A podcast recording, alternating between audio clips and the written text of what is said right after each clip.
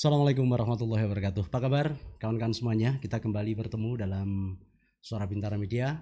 Saya Doni Suara hadir menyapa kawan-kawan semuanya. Seperti biasanya kita akan ajak teman-teman untuk menyikapi hal-hal yang baru yang minimal menjadi bahan kita untuk bagaimana kita belajar tentang perkembangan yang terjadi. Di kesempatan kali ini ada satu yang menarik perbincangan kita materi kita yang kita tawarkan dan kebetulan tamu yang hadir juga luar biasa, orang muda yang sementara ketika bertemu saya tidak yakin Anda langsung bisa mengatakan posisi sebagai A sebagai B. Tapi yang jelas yang hadir kali ini adalah seorang kasat, kasat Reskrim Polres Tulungagung yang baru. Beliau adalah AKP Agung Kurnia Putra SIK MHMSI. Saya akan coba sapa dulu. Selamat malam dan Selamat malam. Kabarnya Pak gimana Mas ini? Joni? Baik. Alhamdulillah Aduh. baik. Iya, ini selaku orang baru di Tulungagung dan ya. Iya. Orang baru di Tulungagung eh, kemudian juga mendapatkan amanah untuk pegang di Reskrim begitu. Betul. Secara garis besar dan mungkin bisa diperkenalkan sebelumnya eh, sebelum tugas di Tulungagung tuh mungkin di mana? Saya lulus Akpol tahun 2013 Pak Doni. Kemudian saya berdinas kamera di, juga. Nah, di Jawa Timur. Eh, langsung ke Jawa Timur, kemudian berdinas di Polrestabes Surabaya. Polrestabes Surabaya pertama kali sekitar tiga tahun. Kemudian saya pindah ke Polres Tanjung Perak sekitar tiga tahun. Lalu pindah lagi ke Polrestabes Surabaya dua tahun.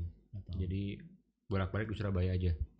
sebelum di sela- sebelum menjabat sebagai Kasat Reskrim Polres Tulungagung di Surabaya sebagai Kasat Saya sebagai kanit, Kanit Jatan Jatan Ras, Ras. kejahatan dan kekerasan. nyambung juga sebenarnya. Nyambung, ba- nyambung banget.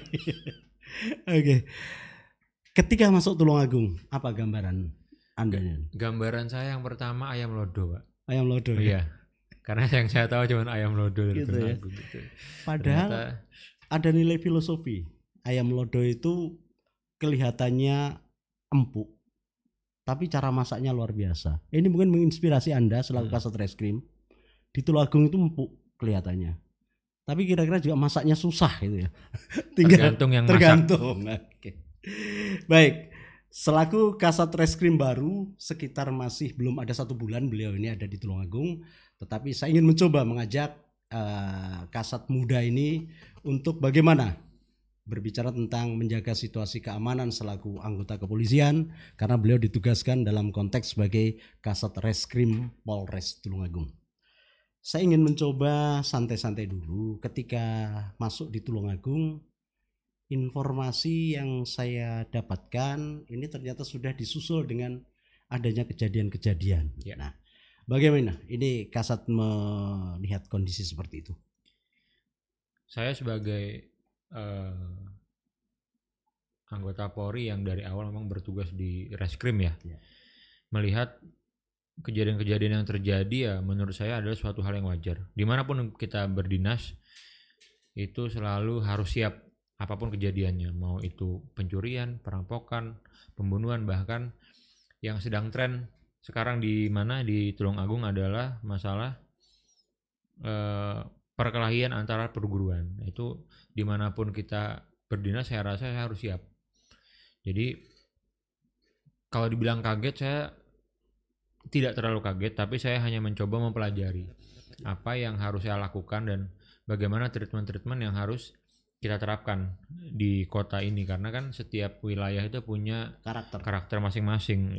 Kalau kita berbi- kalau kita berbicara berbicara apa namanya bahasa dari Tulung Agung sendiri, Tulung Agung ini kan juga bukan maksudnya memang bagian dari Jawa Timur tapi secara kebudayaan mereka lebih ke Jawa Tengah mungkin ya karena ba- dari Agak sedikit lunak. agak sedikit orangnya agak sedikit slow santai tapi ya itu di situ tantangan kita bagaimana kita menjaga stabilitas di kota yang katanya ayam dan tentrem ini semoga aja beneran ayam gitu loh pak Ya. ya kan Baik, eh, ketika saya bincang-bincang awal dengan Kasat ini memang luar biasa karena saya ingin terus mendapatkan inspirasi khususnya juga untuk teman-teman muda bagaimana menyikapi suatu masalah itu dengan positive thinking dan juga kerja keras.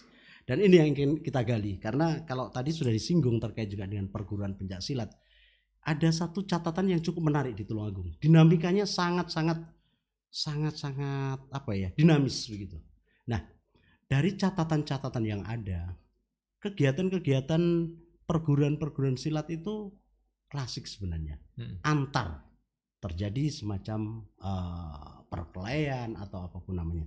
Sebenarnya secara psikologis, apakah hal-hal seperti itu juga terjadi di daerah-daerah lain? yang saya alami di Surabaya karena saya pernah berdinas sebelum di sini hanya di Surabaya. Iya. Memang saya di Surabaya itu sering sekali mendapatkan kasus seperti ini sama Eh, perkelahian, kemudian pengeroyokan yang hanya diawali dari bertemunya kedua belah pihak antar perguruan, entah itu perguruan mana saja mereka bertemu, ujung-ujungnya berantem, ujung-ujungnya ada di situ konflik di situlah mulai terjadi nanti gesekan kalau mungkin Mas Doni itu melihat berita beberapa bulan yang lalu atau dua tahun dua tahun belakangan di Surabaya Iya. ada beberapa kali kasus bahkan ada korban yang mungkin kita bisa bilang lebih eh, lumayan parah itu kan antar perguruan silat dan alhamdulillah semua bisa diungkap Iya. nah dengan adanya ungkap-ungkap pengungkapan kasus dari kepolisian itu itulah yang bisa meredam apa namanya konflik-konflik dari masyarakat dari dari terutama dari perguruan ini. Karena mereka dari perguruan ini pun sebenarnya yang mereka inginkan itu bukan bukan apa ya hanya pengakuan saja. Pengakuan bahwa perguruan mereka lebih hebat dari yang lain. Lebih hebat dalam hal apa? Lebih hebat dalam hal ya mereka lebih merasa lebih banyak lebih tangguh lebih segala macam. Dan itu yang itu yang didoktrin Oke, dari awal kalau berbicara tentang doktrin, eh, apakah pernah Kasat ini mendapatkan satu informasi dari masing-masing ketua atau kalau di wilayah kabupaten ya ketua cabang lah. Bagaimana komunikasi sebenarnya yang yang dilakukan eh, pihak kepolisian dalam hal ini kepada ketua-ketua di tingkat kabupaten itu? Kalau komunikasi relatif bagus ya Mas Joni. Jadi memang semua ketua cabang sampai ketua ranting itu pun mereka sama kita dengan kepolisian itu komunikasi sangat baik. Tidak ada satupun yang yang yang kasar katanya itu tidak ber tidak berkolaborasi dengan baik dengan kita. Dan mereka pun antar perguruan itu sebenarnya sangat baik. Tidak ada masalah. Nah, kalau per- kalau kita berbicara masalah doktrin karena saya pun bukan bagian dari perguruan silat jadi saya tidak mengerti seperti apa di dalam perguruan silat itu yang saya tapi informasi yang saya dapat adalah bahwa memang tidak pernah sih ada doktrin yang bilang bahwa harus seperti ini seperti tidak. Cuma mungkin doktrin yang ditanamkan mereka adalah kebanggaan. Kebanggaan dari perguruan silat itu sendiri. Jadi misalnya perguruan silat A ya mereka mereka mendoktrin bahwa ya kamu harus bangga dengan perguruan silat yang kamu yang kamu ikuti sekarang. Itu saja. Jadi pada saat mereka bertemu dengan perguruan silat lain dia merasa oh saya lebih bagus gitu loh. Oh, jadi eh, sementara kesimpulannya rata-rata kejadian didasari tentang itu. tentang kebanggaan antar Oke. Eh, kemudian dalam konteks ini catatan-catatan jurnalis saya, catatan-catatan masa lalu ini di wilayah kepolisian itu biasanya dilakukan semacam silaturahmi secara berkesan kesinambungan. Dalam konteks ini menjalin komunikasi itu. Iya. Nah, eh, apakah hal-hal seperti itu dalam konteks kekinian ini masih masih bisa diterapkan kan? masih. Kita pun masih melakukan itu ya masih melakukan silaturahmi kepada para pimpinan pimpinan eh, perguruan tersebut. Tapi menurut saya mungkin ada beberapa hal yang harus ya hal yang harus kita tambahkan. Karena percuma kalau antar pimpinan baik tapi antar siswa atau warganya sendiri yang masih saling bergesekan. Jadi menurut saya mungkin kalau ke depan mungkin akan bisa lebih ditingkatkan lagi itu semacam pertemuan antar perguruan. Bukan hanya pimpinan tapi juga masih tapi juga apa namanya? Ya dari bawah-bawahnya nih anggota-anggotanya ini untuk apa? Untuk memupuk kebersamaan itu loh gitu loh. Karena Iya.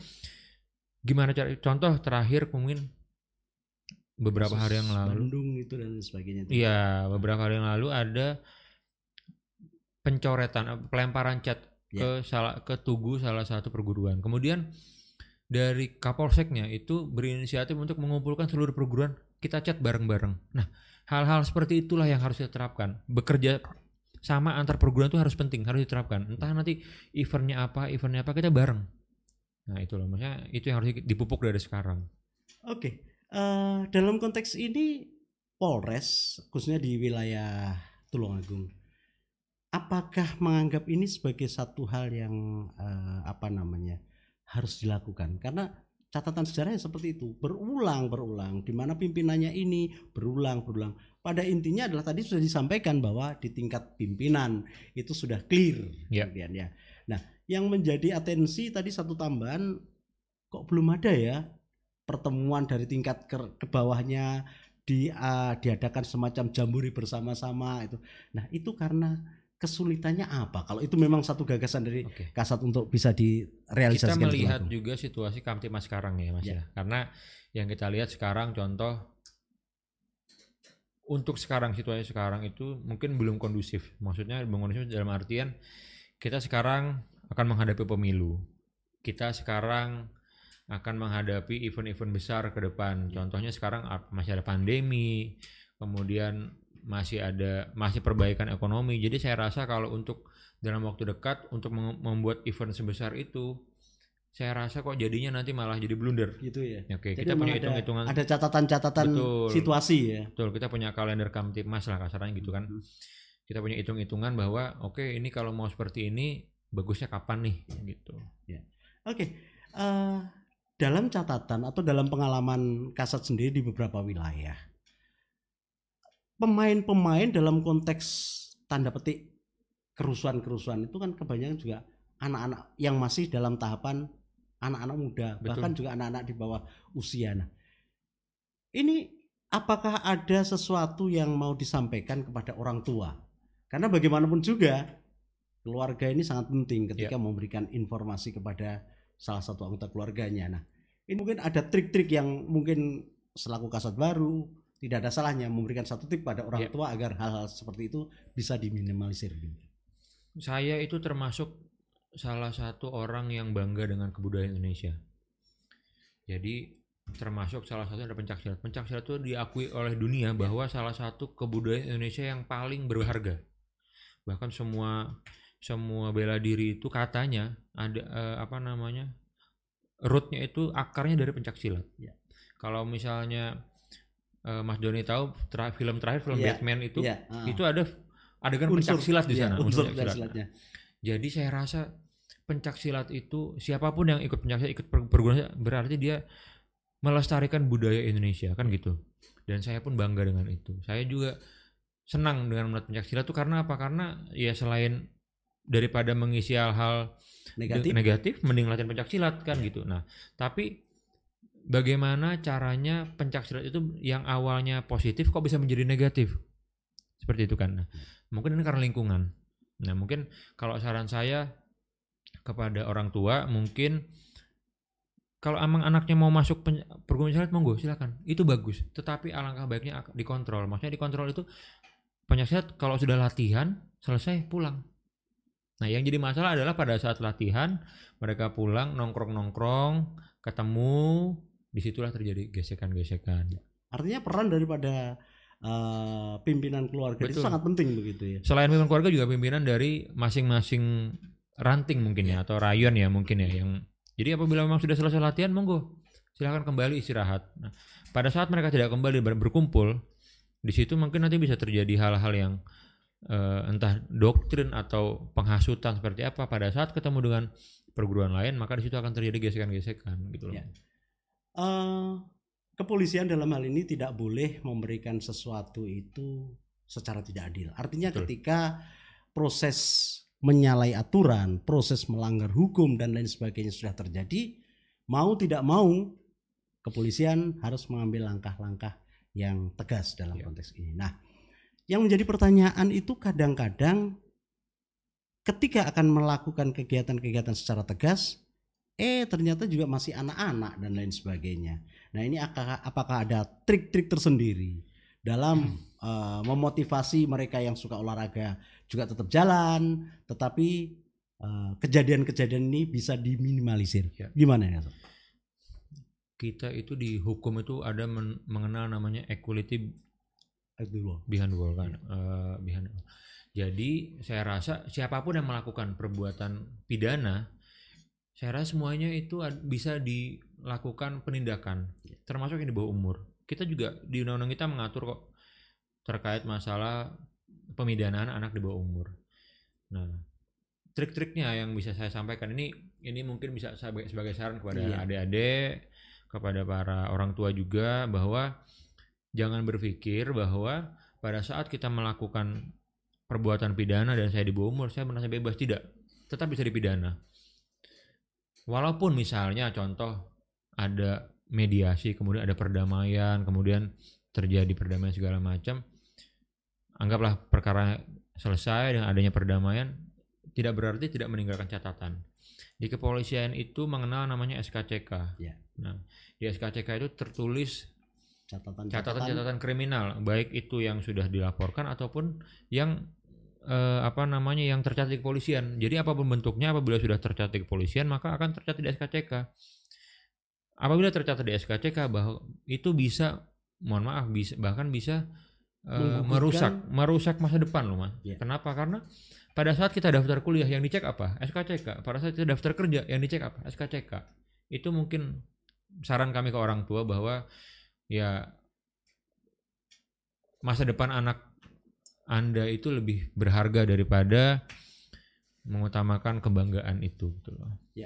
Ya, jadi satu hal yang baru terungkap. Sebenarnya sudah lama hal-hal seperti ini dikomunikasikan atau aturannya ada, tetapi tidak banyak orang tua yang tahu bahwa kejadian-kejadian masa lalu, artinya yang dialami oleh eh, seseorang ketika walaupun pada usia muda, masih anak-anak dan lain sebagainya. Sebagai catatan kepolisian tadi disampaikan oleh Kasat bahwa ini akan tetap ikut dalam catatan-catatan yang nanti akan disertakan dalam pengurusan SKCK. Jadi sekali lagi jangan beranggapan bahwa ketika proses lepas hukum dan lain sebagainya tidak ada catatan. Maka sekali lagi ditegaskan tadi oleh Kasat semuanya harus saling mengontrol. Oke, dinikmati dulu tehnya kita sambil nyantai-nyantai aja nih. Oke, sambil nyantai-nyantai aja dulu. Ya. Oke. Ya, kita lanjut eh terkait juga dengan perguruan pencak silat yang ada di Tulungagung. Selalu dinamis begitu. Kalau dari kacamata jurnalis sejak saya sudah lama mengikuti pro- proses-proses seperti ini, saya bisa menyimpulkan sebenarnya mereka itu sebenarnya potensi. Potensi yang luar biasa. Kalau dilihat dari segi olahraga, mereka bisa disalurkan ke sana. Kalau dijadikan sebagai kegiatan bela negara, mereka juga sudah punya modal. Kalaupun mereka dijadikan sebagai tokoh-tokoh budaya, mereka juga memahami itu. Nah, kondisi-kondisi ini sepertinya akan selalu berulang pada tragedi-tragedi atau kejadian-kejadian di mana orang tua atau pimpinan-pimpinan kelompok itu tidak memberikan doktrin yang kuat bagaimana eh, menjadikan pencak silat itu menjadi satu hal yang positif. Nah, yang menjadi pertanyaan kita, apakah hal ini akan tetap dibiarkan begitu saja? Kemudian bagaimana peran dari Babin Kamtipmas yang sebenarnya mereka juga tahu di Iya. Babin Kamtipmas ya kalau di kepolisian ya. Mereka tahu kan titik titik titik titik di wilayah karena mereka menguasai. Nah, ini bagaimana komunikasi yang yang didapatkan oleh kepolisian memanfaatkan teman-teman di Babin Kamtipmas ini?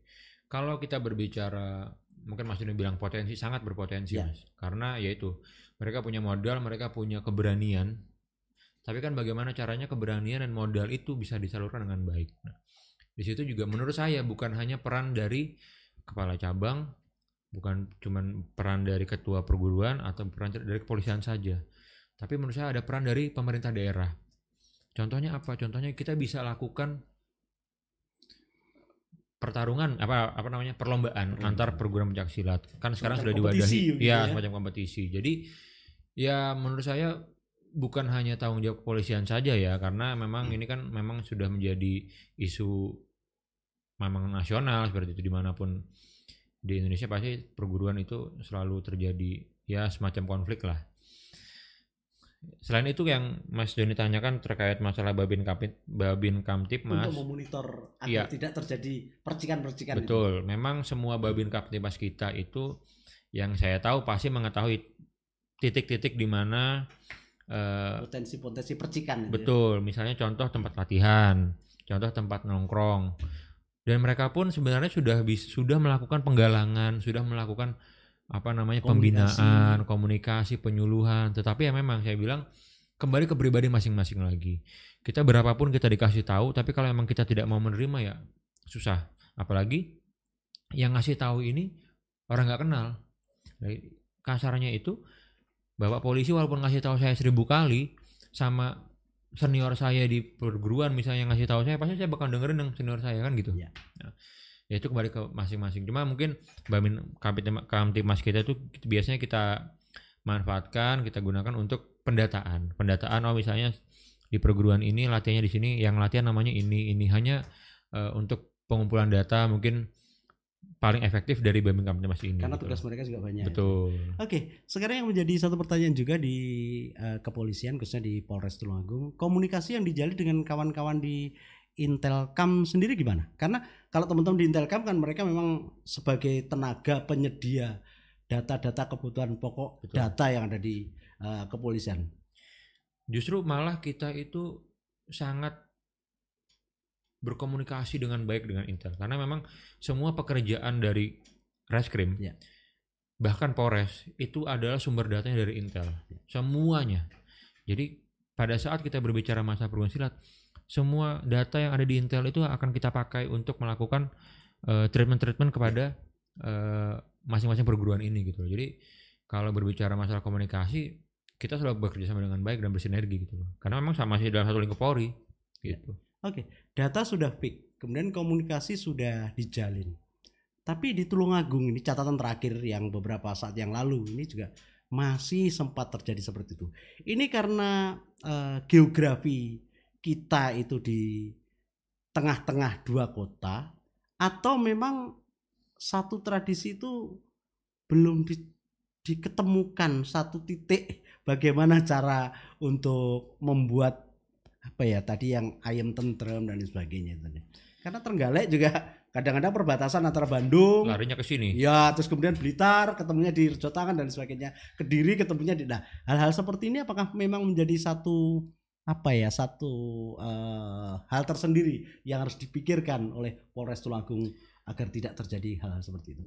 kalau kita bilang itu adalah budaya atau tradisi saya rasa juga kurang pas ya karena tradisi kita budaya Indonesia ini kan saling menghormati Iya. saling apa sih namanya orang kalau orang Jawa itu saling Tepos Liro. nah itulah Ya, ya, ya kan jadi kalau saya rasa bilang budaya kita bahwa perguruan itu saya rasa bukan ya tapi memang ya itu eh, kalau kita bisa melihat contoh di kabupaten lain yang memang menjadi pusat Ya. dari perguruan itu bahkan di sana malah tentram malah di sana jarang terjadi gesekan Ya. kok kita di sini yang yang yang maksudnya memang banyak eh, perguruan yang ba- memang banyak siswanya di sini kok bisa seperti ini kenapa kalau menurut saya yaitu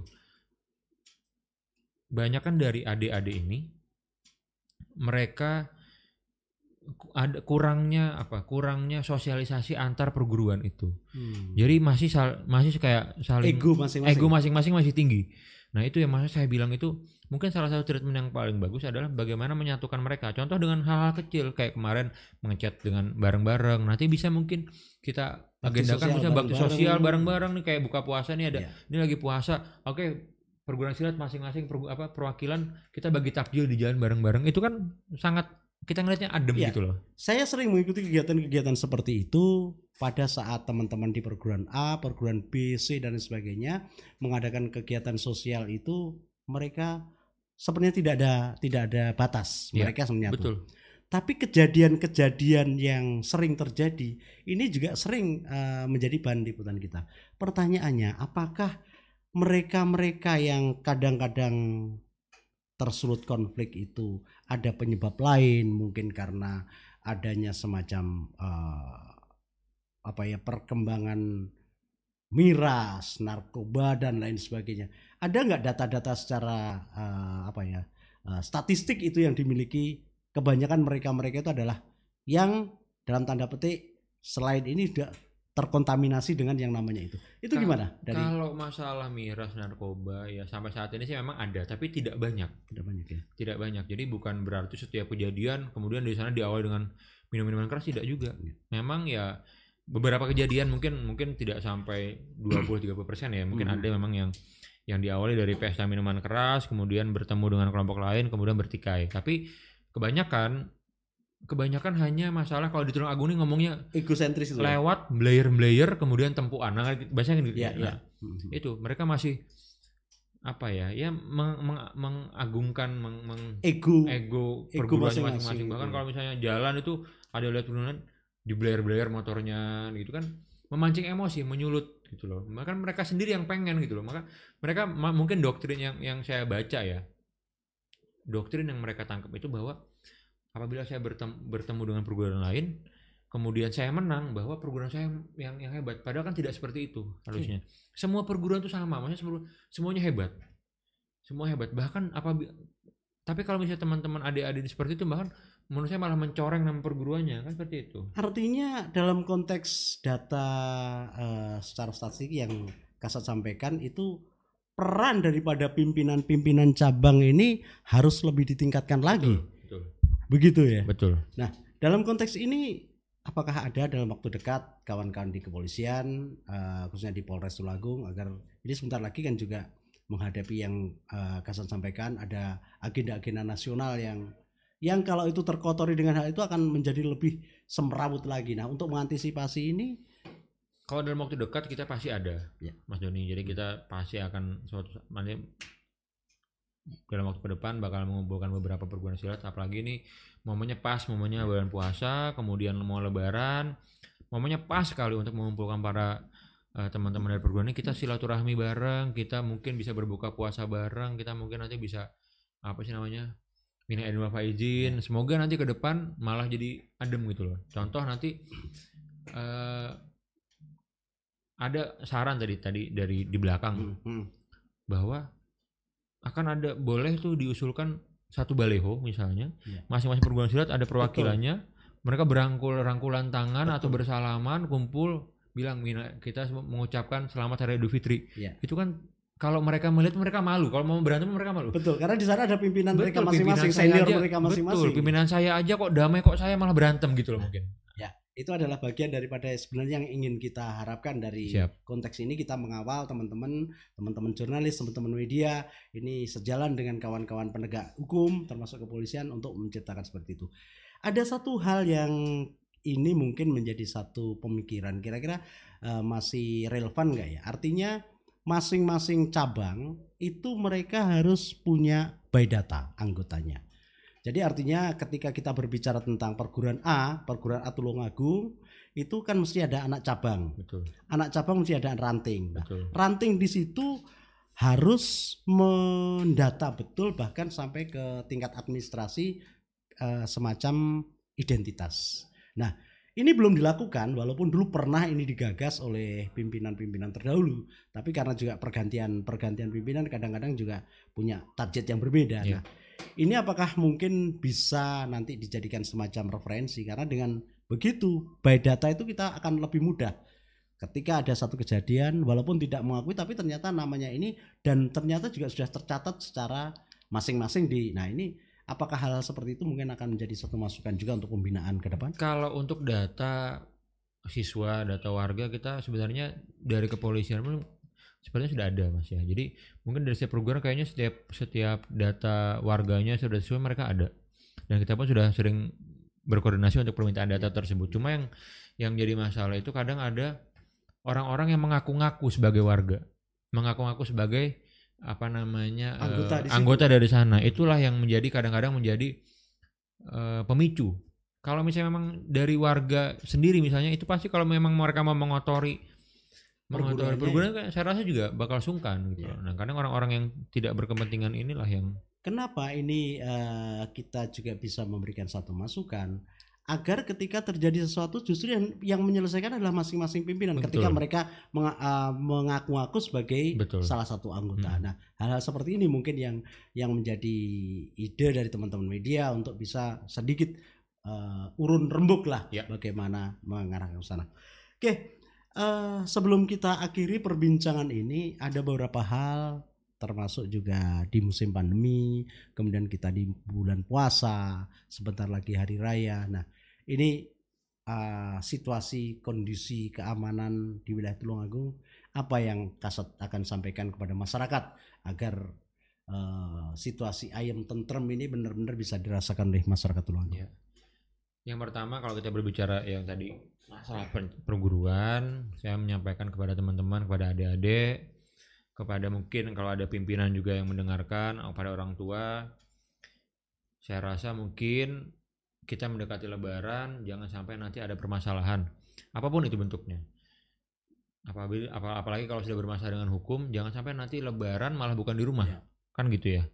Lebaran malah bukan di rumah, malah jatuhnya nanti malah di tempat lain, jatuhnya di kantor polisi. Jadi saya rasa sa- tolong teman-teman, adik-adik, rekan-rekan ini, tolong dijaga lah, dijaga emosinya, dijaga egonya, bahwa ini ini kan masih dalam puasa apa nuansa Ramadan, tolong jangan ada lagi yang bersinggungan antara perguruan antara kelompok. Kita tidak berbicara perguruan saja, Iya. tidak kita berbicara kelompok macam-macam. Di situ ada geng motor, ada perguruan, ada segala macam.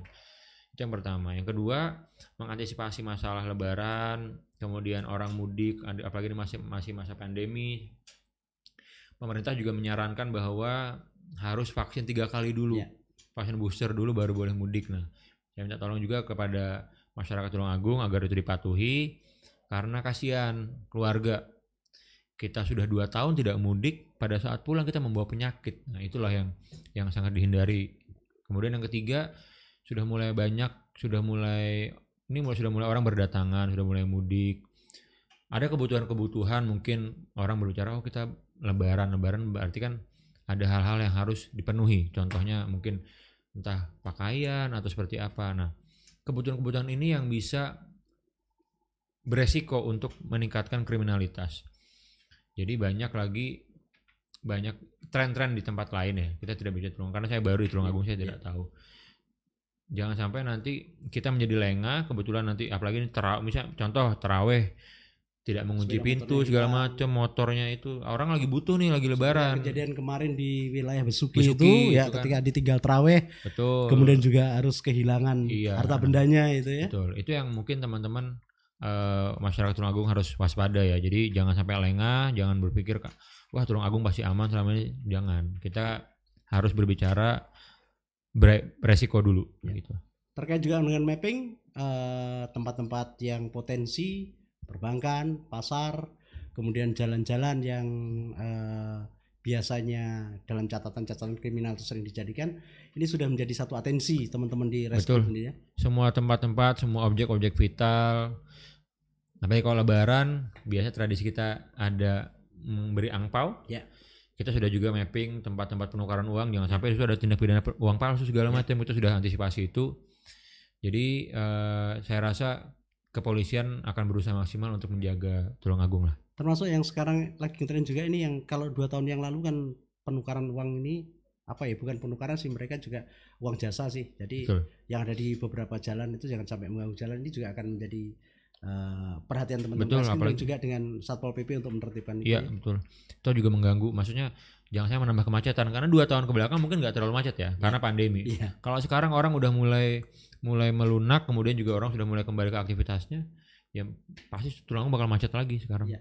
Oke, ada yang ditambahkan lagi? Terkait- Cukup Cukup ya. kalau saya. Baik, terima kasih untuk kawan-kawan semuanya.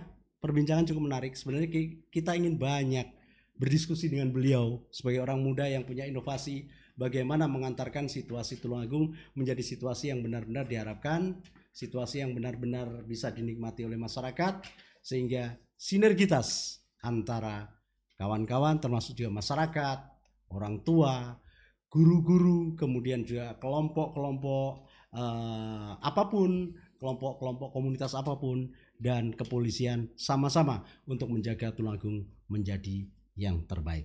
Terima kasih. Semoga informasi dan obrolan ini ada manfaat yang bisa diambil. Saya Doni Suara mengucapkan Terima kasih. Assalamualaikum warahmatullahi wabarakatuh.